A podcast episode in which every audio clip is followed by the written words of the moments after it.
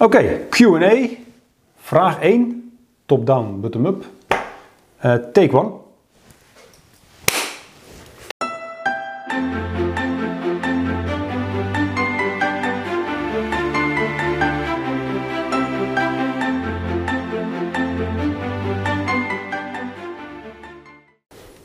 Hey, hallo, daar zijn we weer. Dave, mijn naam is Gregor. Uh, wij beantwoorden vragen van uh, mensen die geabonneerd zijn op dit kanaal. Uh, dat vind ik erg leuk om te doen. Even een spoiler, mocht je al uh, vragen hebben, dan zet ze onder neer. en misschien gaan we jouw vraag ook beantwoorden. Ehm, wij beantwoorden vragen op het gebied van wat we noemen modern management. Wat moet je weten als moderne manager? Nou, wij denken dat je dan moet weten iets over de structuur van een organisatie, iets over leiderschap natuurlijk en iets over verandermanagement. Dat zijn de drie componenten die je nodig hebt. Uh, en we hebben weer een vraag gekregen van uh, iemand, Herbert Jan. En hij had een goede vraag. Hij zit midden in een verandering, Herbert Jan, en hij vraagt af: moet een verandering altijd bottom-up of moet het juist top-down? Dave, wat, wat is jouw kijk hierop? Ja, nou, in eerste instantie begin, val ik natuurlijk meteen over het woordje moet. Nee, er is geen silver bullet uh, uh, als het gaat om, om hoe pak je nou een verandering aan. Wat we wel zien is dat de afgelopen jaren hebben veel veranderingen op het gebied van wendbaarheid en zo zijn allemaal op teamniveau begonnen. We zien dat, dat vanuit veel enthousiasme zijn we Scrum gaan implementeren, Kanban of allerlei werkvormen die daar, daar mee te maken hebben. Ehm, en wat we nu we zijn nu in een bepaalde volwassenheidsfase gekomen, dat, dat we zien dat dat we best wel veel in organisaties tegen glazen plafonds aanlopen. dat, dat, dat, uh, dat het niet vanzelfsprekend is meer, is dat je het op teamniveau kan oplossen. je zal uh, teams en teams moeten gaan raadplegen, je zal misschien wel rollen moeten gaan formaliseren. in het begin kan je zeggen, ja, ik ben Scrum Master of ik ben Product Owner. En ja, wie vindt er wat van? Ja, niet zo heel veel mensen. Maar op het moment dat je 20 Product Owners hebt en 20 Scrum Masters, ja, kan ik me voorstellen dat de organisatie op een gegeven moment denkt, hey, hoe hebben we dat nou geregeld voor al die, die mensen? Um, en dat, dat, is ook precies het punt waar we zien dat, dat de organisaties op dit moment ook, ook uh, nou ja, tegenaan lopen, maar ook inzitten. Ja, nu zal er meer commitment van, uh, van, uh, van het, het, management gevraagd worden. Um, verhouding in de organisatie zien we veranderen. Dus voorheen had je een lijnmanager en nu zetten we daar een scrum master bij en een product owner bij. En hoe verhoudt die zich dan ten opzichte van een projectleider of ten opzichte van een manager? Wie gaat dan over de inhoud? wie gaat over um, over de mensen. Ah, ja. dat zeg je, maar ik, ik hoor ook klanten die zeggen: joh, uh, ik ben de manager en ik, uh, ik geef jullie alle vrijheid, ik laat alles los. Ja. Dat bedoel je dan niet, begrijp ik. Uh, Vind je dat de manager alles moet loslaten dan? Dat het, nou... Nee, dat, dat zeker niet. Ik denk dat, dat je vooral moet kijken naar, naar de, de, de, de, komen twee nieuwe, wij spreken twee nieuwe rollen in het systeem van, van, van een organisatie. En hoe gaan die verhoudingen zich dan uh, ten opzichte van elkaar? Juist. dus wat is de verhouding van een Scrum Master ten opzichte van een, eh, van een Product Owner? Wat is de verhouding van een Scrum Master ten opzichte van een manager?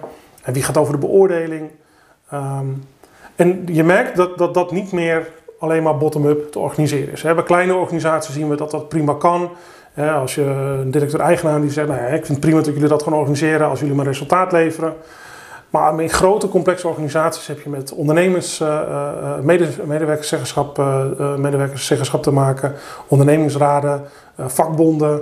er hangen hele beloningssystemen hangen aan, aan, rollen en aan, aan, zaken. Ja, dan, dan zal je toch wel, en, en, die beslissingen worden toch nog heel vaak boven een organisatie genomen.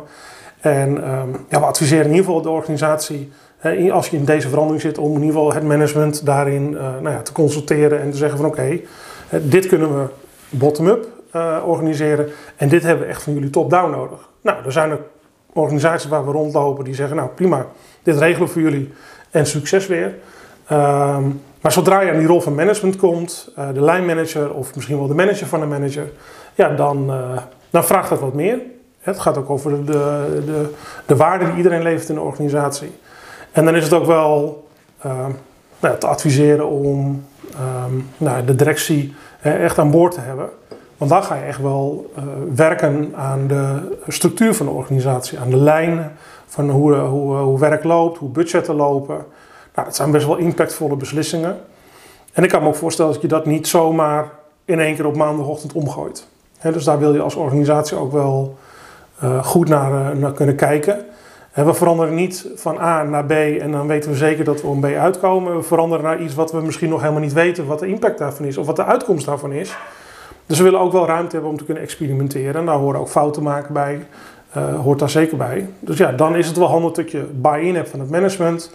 Je ziet ook vaak dat er wat nou ja, advieswerk bij komt of wat ondersteuning. Uh, nou, daar gaat over budgetten. Dus dat zijn allemaal elementen die, uh, waar een organisatie dan mee te maken krijgt. Um, en dan is het wel degelijk heel belangrijk dat, dat, het, er, dat het management aangesloten is, dat de budgetten geregeld zijn en dat er, nou, de voorwaarden in place zijn. En dat is natuurlijk vanuit een soort bottom-up naar top-down um, structuur.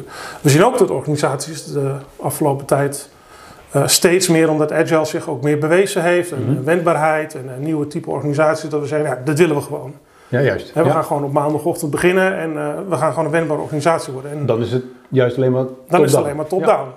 Ja. Uh, nou, het grote voordeel is dat, wat, wat ik net al zei over bottom-up, is dat je dan een aantal dingen redelijk makkelijk georganiseerd hebt. Hè. Je hebt een budget georganiseerd. Uh, je weet wat er ongeveer een verandering zou mogen kosten. Dus nou ja, dat, dat hebben we geregeld. Uh, we huren wat, uh, wat ondersteuning in. En dan gaan we beginnen. Maar dan komt wel de vraag, ja, krijgen we iedereen die aan boord is, hè, of aan boord moet komen, krijgen we die wel mee? Um, hebben we het verhaal wel goed duidelijk? Weten we precies wat, welk probleem we aan het oplossen zijn? Hè, dus ja, dan zien we wel dat we kunnen wel heel mooi zeggen, ja, vanaf maandagochtend trekken we een groen t-shirtje aan. Zoals ik vaak ook in voorbeelden gebruik. Maar als iedereen denkt, ja, groen staat mij niet, dus dat ga ik gewoon niet doen. Ja, en je hebt niks georganiseerd als organisatie uh, om, om te zorgen dat iedereen zich daaraan gaat conformeren en dat je het verhaal hebt uitgelegd en dat je de why van zo'n verandering uh, heel duidelijk hebt gekregen. Um, ja, dan is het best wel een, een pijnlijk proces. Hè? Dus, dus ja, wat ik in het begin zei, er is geen nou ja, één antwoord. Um, wat we zien is dat of je nou top-down begint of bottom-up begint, je zal elkaar ergens onderweg tegenkomen. Um, ons advies is om, je, om snel die verbinding te zoeken.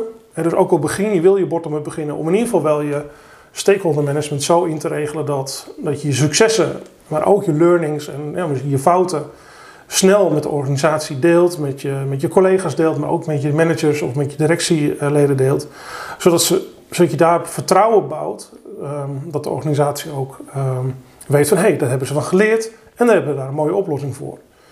Um, als we kijken naar top-down, precies hetzelfde. Hè? Dus als je als directeur zegt, ja, ik wil graag deze verandering, want het is nodig, ik geloof daarin. Uh, andere bedrijven doen het ook, dus het moet wel succesvol zijn. Um, ja, dan adviseren we ook, hè, de, ook, dat is ook onze veranderaanpak. Hè? Dus ga met de mensen die de verandering raken, die in de verandering geraakt worden, neem die mee in deze verandering.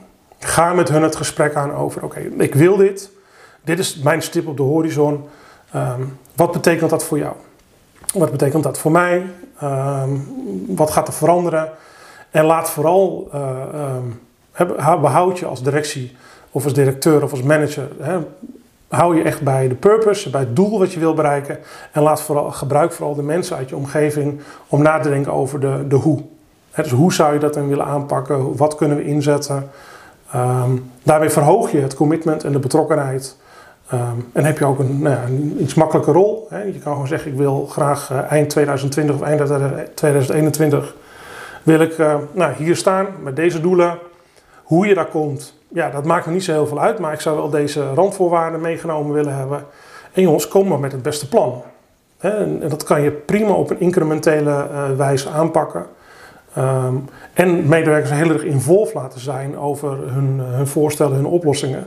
Het krachtige daarvan is dat op het moment als iets niet werkt, eh, om maar even daarmee te beginnen, dan heb je ook commitment dat ze met andere ideeën kunnen komen. Als het werk wel werkt, is het compliment natuurlijk ook mooi voor hun. Uh, en daarmee krijg je nog meer commitment. Uh, dus ja, dat is een beetje onze visie als het gaat om top-down en bottom-up.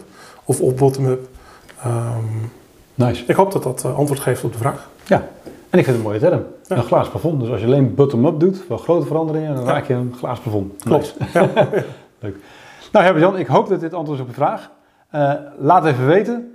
En mocht je ook een vraag hebben, laat ons weten. We gaan nog veel meer van deze filmpjes opnemen. Dus we, uh, we hebben een klein voorraadje, we hebben een klein backlogje. Maar uh, we gaan als een speer jullie vragen beantwoorden. Dat doen we graag. Dus tot de volgende keer.